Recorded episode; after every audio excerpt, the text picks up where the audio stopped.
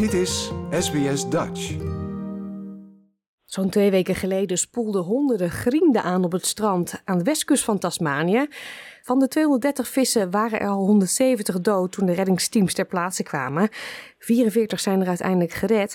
Anneke van den Brink, jij bent een marineonderzoeker. En die zei al tegen mij: Ja, walvissen zijn niet mijn expertise.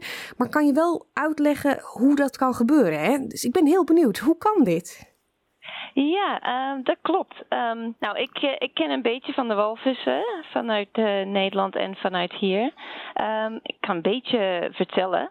In het kort uh, weten we eigenlijk niet waarom deze strandingen gebeuren. Het is eigenlijk niet bekend over de hele wereld. Er zijn een aantal theorieën daarover. Bijvoorbeeld de, de walvissen komen in de waar door sonar van schepen. Alleen zijn strandingen gebeurd jaren, jaren geleden, honderdduizend jaar geleden. Dus, uh, dus dat kan niet de hele reden zijn. Nee, toen waren die, die sonarschepen er nog niet. Precies. Nee, precies. Uh, andere theorie is dat ze gewoon in de waar komen vanwege die, uh, de omgeving. De zuidkust van Australië en zeker Tasmanië, dat zit op de continentaal plaats. En dat is wat hoger onder water dan als je verder naar het zuiden gaat, is het ontzettend diep. En die ontzettend diep plekken zijn er veel nutriënten. En in die plekken komen er veel vissen om al die nutriënten op te eten. dus er is En veel daarom- voedsel daar in dat diepe water. Ja. Precies. En, uh, en daar komen de walvissen om uh, voedsel op te eten. En een theorie is dat als ze naar die ondiepe plek van de continental plat komen, dan uh, werken hun navigatie minder goed en dan komen ze in de waar. Ja, ik heb ook iets gelezen over dat er altijd één leider is van zo'n grote groep. En als die natuurlijk een foutje maakt, gaat de rest erachteraan. Ja, het is een soort van groepsmentaliteit. Dus als die ene in de waar komt met navigatie, dan volgen die anderen. Uh, zeker met uh, potvissen um, en andere sociale walvisachtige. Um, dan blijven ze als groep en dan volgen ze de, de leider. Mm -hmm, ja, een paar dagen eerder waren er op King Island, dat is het noordwesten van Tasmanië, ook al potvissen. Je noemde ze het al aangespoeld. Ja, klopt. Twee jaar geleden, op de dag af dat die grienden aanspoelden op Tasmanië, dat gebeurde eigenlijk precies op diezelfde plek ook al. 470 in dat geval. Is daar een verklaring voor? Waarom iedere keer die plek?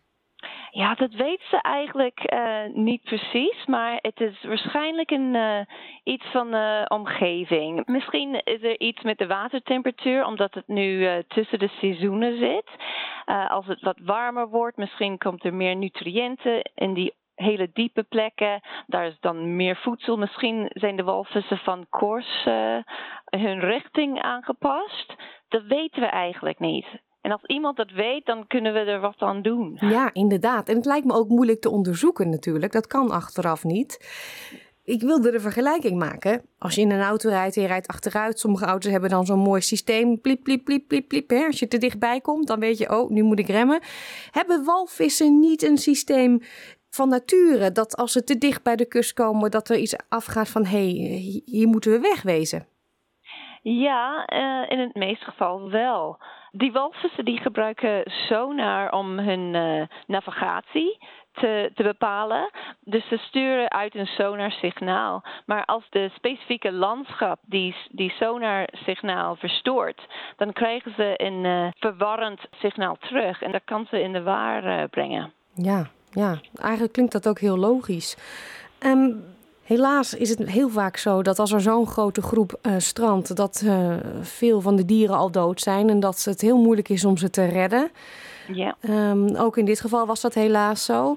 Wat hebben ze met de kadavers gedaan? Want dat zijn er nogal wat en die versleep je niet even zo een vrachtwagen in en omdat je ze af kan voeren.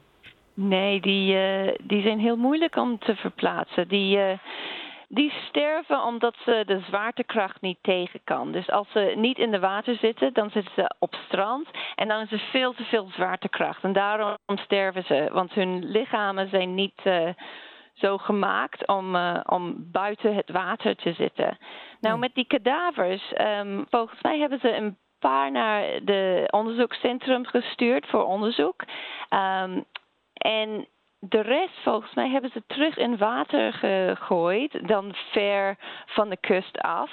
En dan kan die andere organismen in het water hun lijven gebruiken als voedsel. Dus eigenlijk is het terug in de, in de voedselweb. Ja, en het is wel fijn dat dat een beetje van de kust af is. Anders hebben we de haaien straks op het strand, of niet? Ja, precies. ja, ja. Is... En stinken. Ja, en het stinkt. Dat lijkt mij ook, ja. Dat lijkt me geen pretje om dat dan uiteindelijk af te voeren.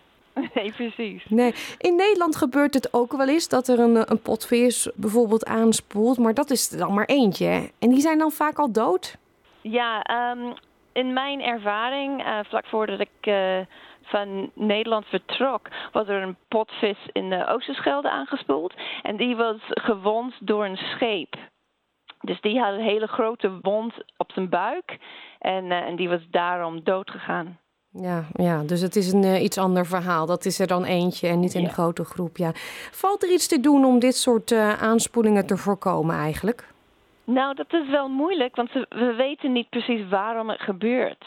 Als het een menselijke aandoening was, dan zouden we dat kunnen aanpassen. Maar, maar walvissen zijn uh, altijd aan het aanspoelen, al eeuwenlang.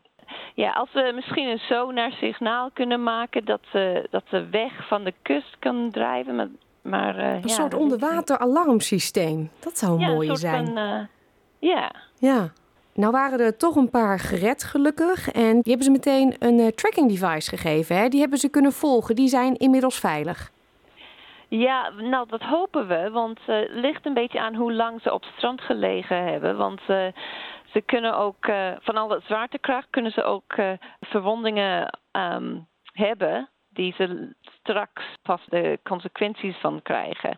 Maar um, ja, de, de idee daarvan is dat ze dan kunnen tracken waar ze naartoe gaan en, en hoe ze leven. Ja, dankjewel Anneke van den Brink voor deze uitleg. Geen probleem, was leuk. Like, deel, geef je reactie. Volg SBS Dutch op Facebook.